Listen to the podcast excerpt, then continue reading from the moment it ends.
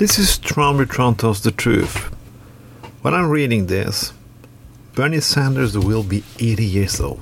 Yes, and we have to know the fact that he will never be president of the United States. I never thought he's going to be a United States president anyway, because there are too many people who never want to vote for a Jew and not want to vote for a progressive. And there are a lot of people who are afraid that voting for him will just throw the vote away. Yeah, if you vote for something else than the establishment, you are throwing your vote away.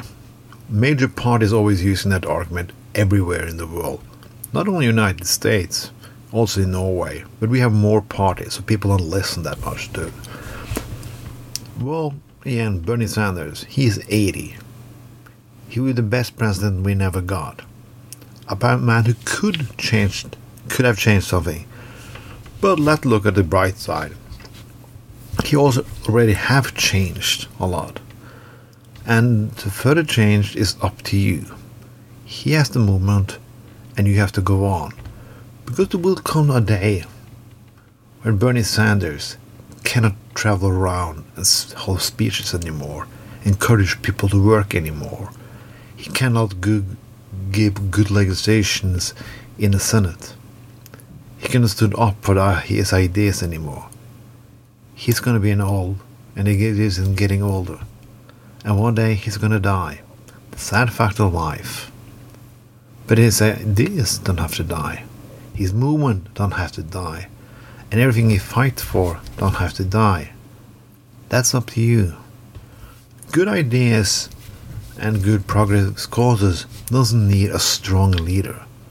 We always think that. We always think like we on the left are always individuals. We don't need a strong leader because our days are good. But we are fooling ourselves because we know that's a lie. We have we need some we always look up to some leaders and so on. We us do, just like the right does. But maybe we should start a new chapter now. Just follow the ideas, just follow the good causes, and move on from there. Get more people to get elected on every level, from from sheriff to corner. Yeah, because I forgot. You United States, you can elect everything. Well, some people call it democracy. I just call it stupidity. But that's that's me. We have an parliament elections very soon in Norway, and it's going to be a big election in Germany. Things, especially that in Germany, can change the fate of Europe. You can change people in the United States can change the fate of the United States. But if you like people like Bernie Sanders, you can also change the fate of the world. Maybe you can get something done. People in on the right are now rallying against. They're stopping the votes.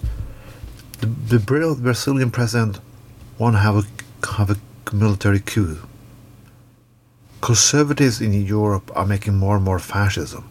Conservatives and fascism is working hand in hand again, like it did in the 30s. To stop this is up to you. Let's celebrate Bernie Sanders' birthday by letting him know that we will kick up the causes and the idea further on. This was drawn with Tron tells the truth.